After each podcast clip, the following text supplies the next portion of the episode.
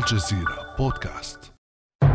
في الأراضي الزراعية الأوكرانية الشاسعة المكسوة بالثلوج حيث تجود التربة السوداء الخصبة بأجود أنواع الحبوب أشعلت بذور الأزمة الروسية الأوكرانية حرباً سبقت آلات الحصاد. الموانئ الأوكرانية في البحر الأسود مغلقة والسفن تتعرض للقصف والعقوبات الغربية تشل تجارة روسيا الخارجية. حرب أربكت إمدادات القمح وألهبت أسعاره لتسجل أعلى مستوى لها منذ أربعة عشر عاماً. فالبلدان روسيا وأوكرانيا يؤمنان قرابة 29% من صادرات القمح العالمية. والدول العربية في صدارة المستوردين لتوفير خبز الملايين. وسط تحذيرات من موجة احتجاجات جديدة إذا غاب سيد الموائد العربية. فكيف غرقت المنطقة العربية في التبعية للدول المصدرة للقمح؟ وما البدائل لإنقاذ الأمن الغذائي العربي؟ وهل تشعل الحرب الروسية الأوكرانية احتجاجات الخبز في الشارع العربي؟ بعد أمس من الجزيرة بودكاست أنا أمال العريسي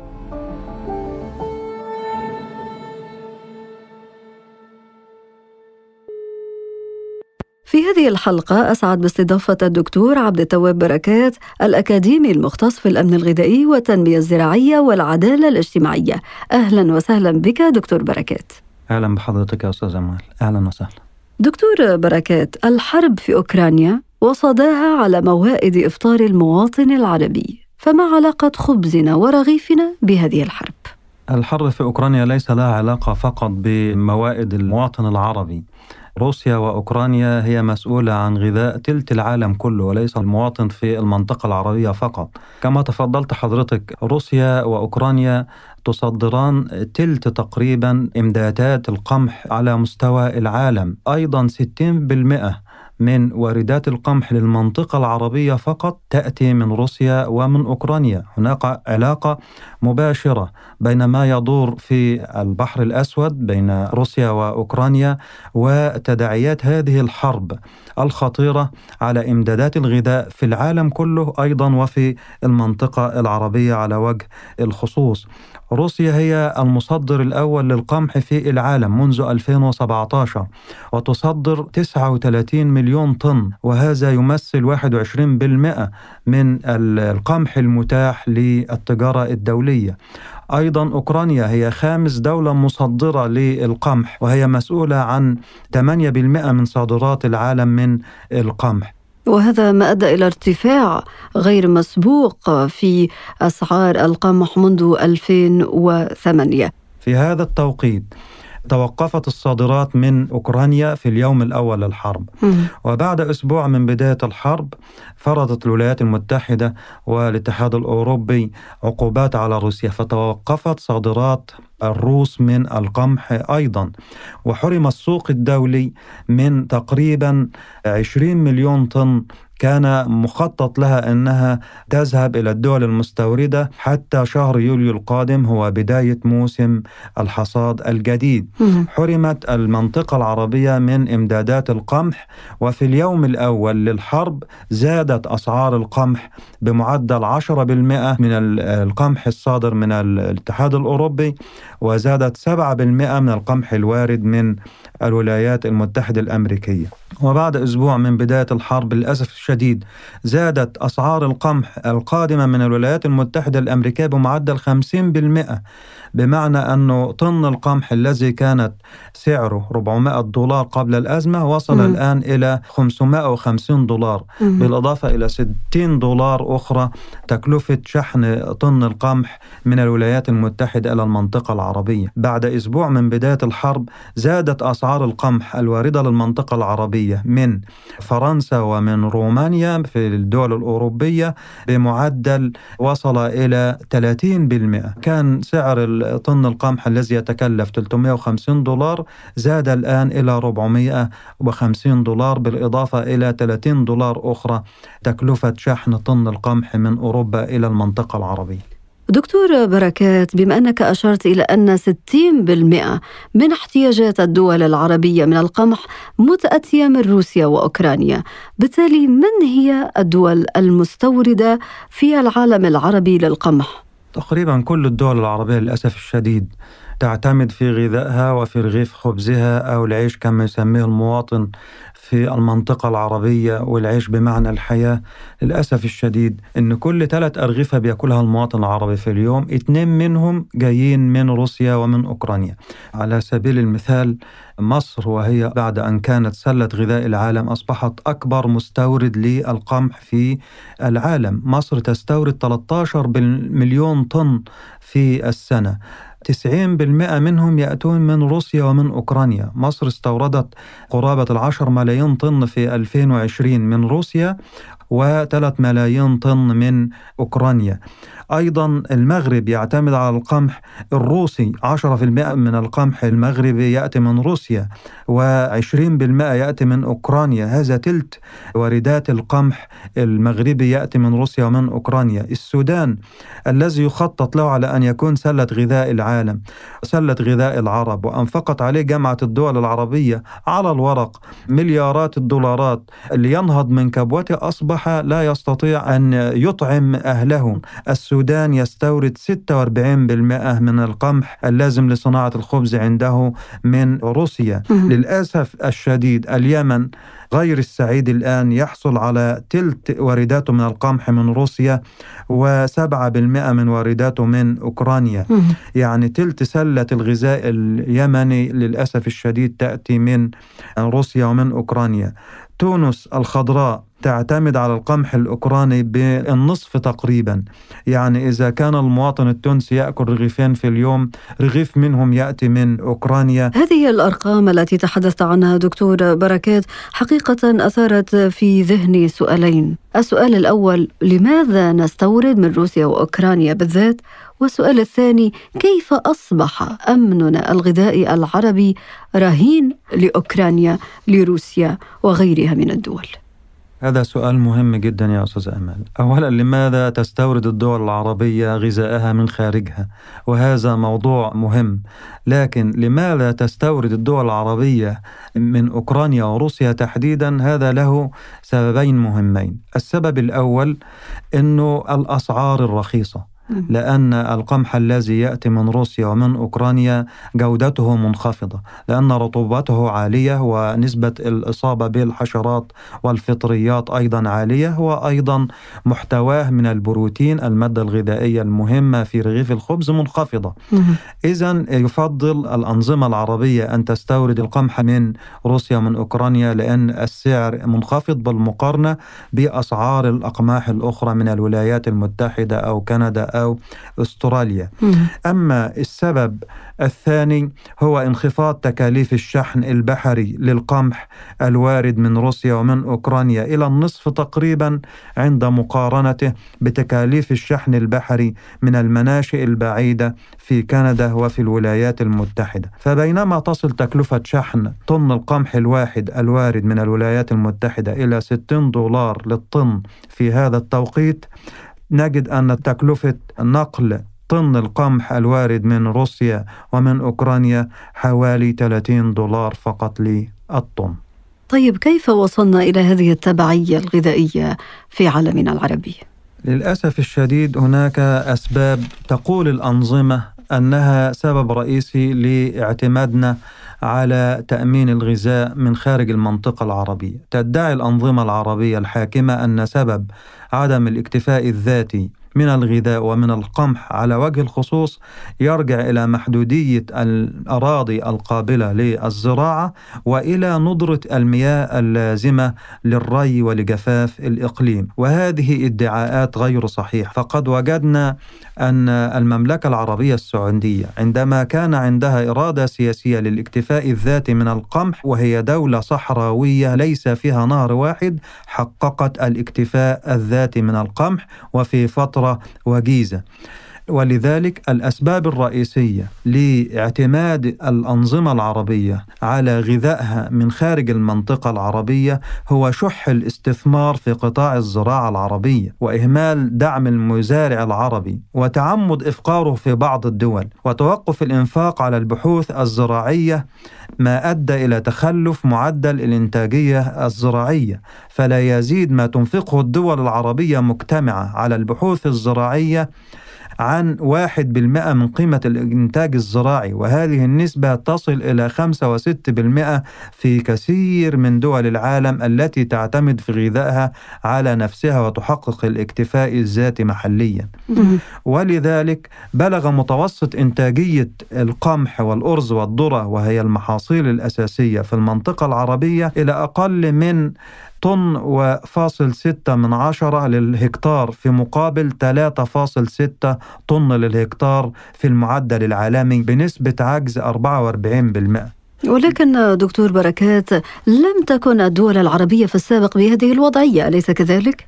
ألا لم يكن العالم العربي في تاريخه معتمدا إلى هذا الحد على الاستيراد القمح من أي دولة أخرى بل إن المنطقة العربية والهلال الخصيب في العراق وفي سوريا وفي مصر عندما كان واقعا تحت الاحتلال الإنجليزي كان مكتفيا ذاتيا من القمح وكان يصدر القمح إلى بريطانيا العظمى ولكن تزامن التخلي عن خطط الاكتفاء الذاتي من القمح محليا مع خروج المستعمر الإنجليزي وتسيد الولايات المتحدة الأمريكية زمام الأمور في المنطقة العربية وأصبحت هذه الدول التي كانت مكتفية من الغذاء ذاتيا أصبحت تعتمد في غذائها على الولايات المتحدة الأمريكية ثم غيرها من دول العالم طيب إذا كانت الدول العربية فرطت في إنتاج القمح وهو منتوج استراتيجي في الأمن الغذائي لأي دولة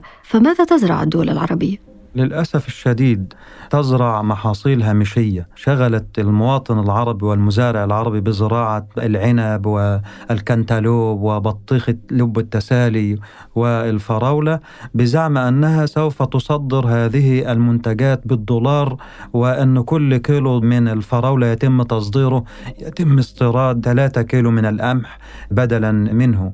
والتاريخ أثبت فشل هذه السياسات.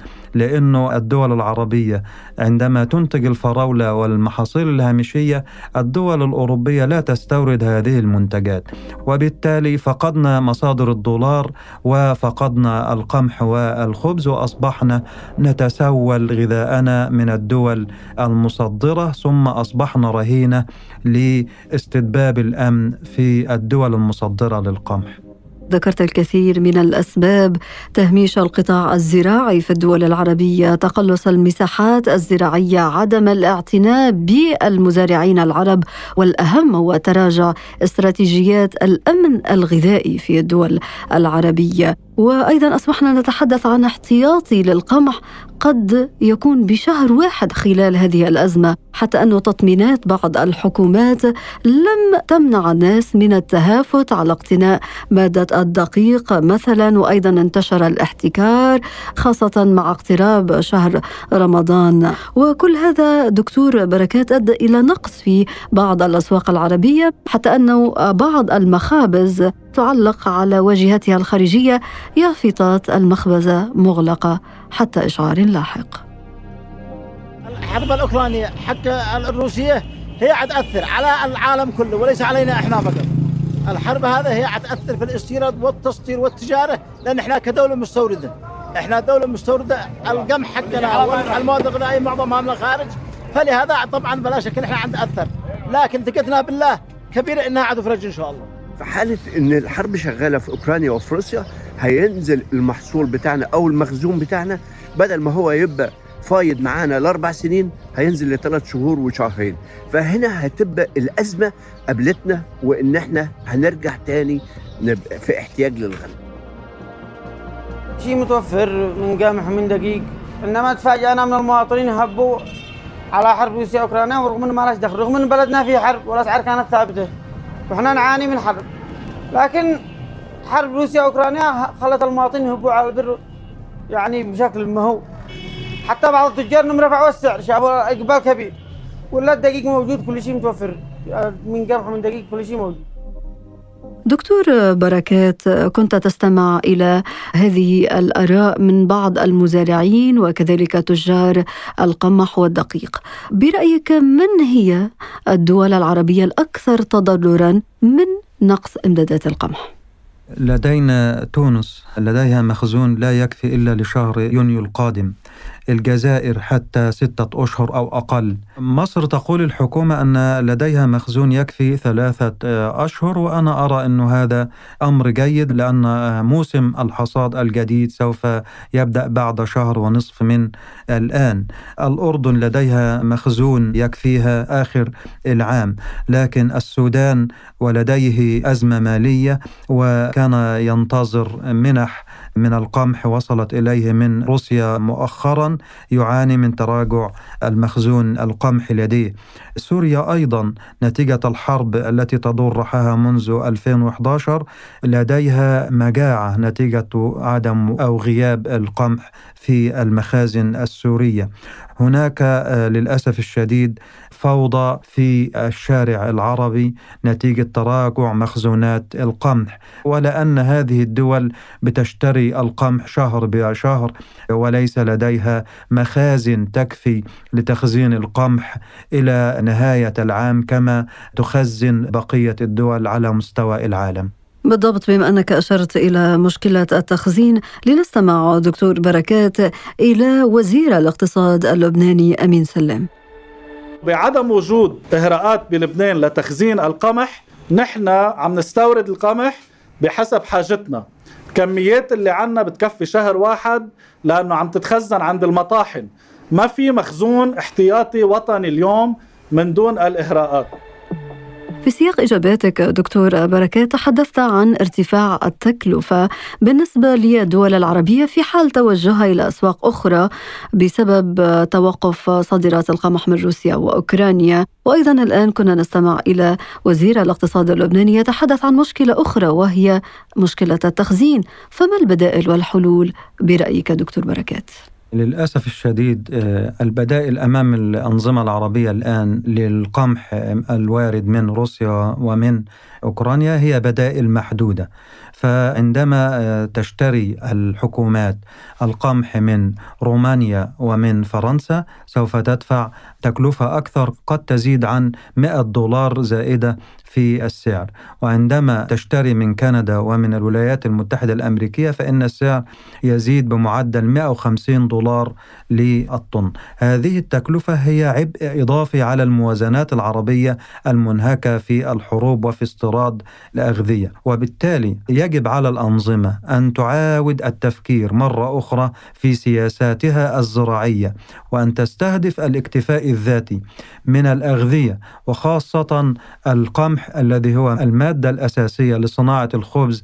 ولا زالت الفرصة قائمة أمام الحكومات العربية أن تكتفي ذاتيا من القمح. يجب عليها أن تدعم المزارع العربي وأن تفضله على المزارع الأجنبي من أجل أن ينتج غذاء المواطن العربي. على الدول العربية والحكومات العربية أن تدعم البحوث الزراعية وأن تستثمر في إنتاج التقاوي عالية الإنتاج المقاومة للأمراض النباتية التي تتحمل الجفاف وشح المياه في المنطقة العربية.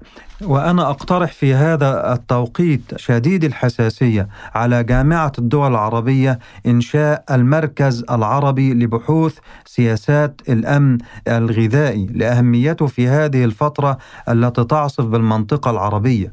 يقوم المركز بدراسة الأسواق ورصد حالات الإمدادات الغذائية في العالم والمخزون السلعي من القمح لدى المنتجين والمستهلكين وتتبع أسعار الأغذية في السوق الدولية وتحليلها في ضوء العرض والطلب التاريخي وكذلك أن يتنبأ هذا المركز بالأزمات الغذائية المستقبلية وأن يقوم هذا المركز بدراسة تأثير الأزمات البيئية والسياسية والاقتصادية على الأمن الغذائي والتغذية والصحة في المنطقة العربية. دكتور بركات الدول العربية بحاجة لمثل هذا الهيكل الذي يستشرف خاصة الأزمات بالتالي دكتور بركات برأيك هل يضع نقص إمدادات القمح العالم العربي اليوم على طريق ثورات الخبز؟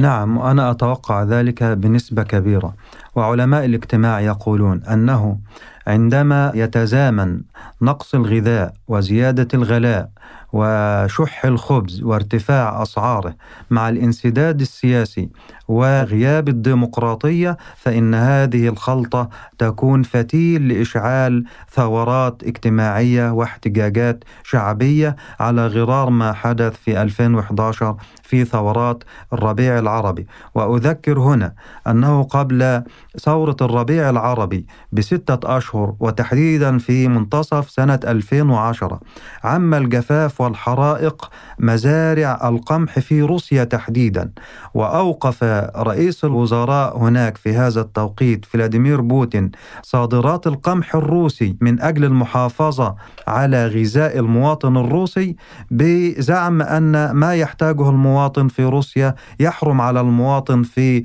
الدول العربية وفي غيرها من دول العالم. وكان نتيجة حظر روسيا تصدير القمح ارتفاع أسعار الخبز في المنطقة العربية وسقط قتلى في طوابير الخبز أمام المخابز في الدول العربية وكان ذلك سببا رئيسا لإشعال فتيل ثورات الربيع العربي. ويجب ألا تنسى الأنظمة العربية ثورات الخبز. التي اندلعت في مصر في سنة 1977 وفي المغرب سنة 1981 وفي تونس سنة 84 والأردن في 96 وتكرارها في مصر في مارس 2017 وفي السودان قبل عامين وفي الجزائر أيضاً. وبما أنك أشرت لتاريخ ثورات الخبز دكتور بركات يجب أيضا ألا ننسى أنه لا شيء مستحيل في مجال الزراعة والتنمية الزراعية وأنت مختص في هذا المجال. أليس كذلك؟ بلى وأنا أرى أن الدول العربية الآن يجب أن تأخذ الدرس من روسيا تحديدا التي كانت حتى سنة 2000 أكبر مستورد للقمح في العالم. وعندما توفر لديها الإرادة السياسية أصبحت مكتفية ذاتيا ثم تبوأت كرسي أكبر مصدر للقمح في العالم. يجب ألا ترهن الأنظمة أمن الغذاء المواطن العربي للدول الأجنبية. وكما ذكرت أنت دكتور بركات 60% من احتياجات الدول العربية من القمح متأتية من روسيا وأوكرانيا. وهذا مؤسف حقا دكتور بركات. نعم للأسف الشديد والمواطن العربي عندما يهدد في رغيف عيشه وكما يقول المصريون عض قلبي ولا تعض رغيفي المواطن لن يفرط في لقمة عيشه. الدكتور عبد التواب بركات الأكاديمي المختص في الأمن الغذائي والتنمية الزراعية والعدالة الاجتماعية. شكرا جزيلا لك على كل هذه المعلومات والحلقة المفيدة والمهمة. شكرا جزيلا لك. كان هذا بعد أمس.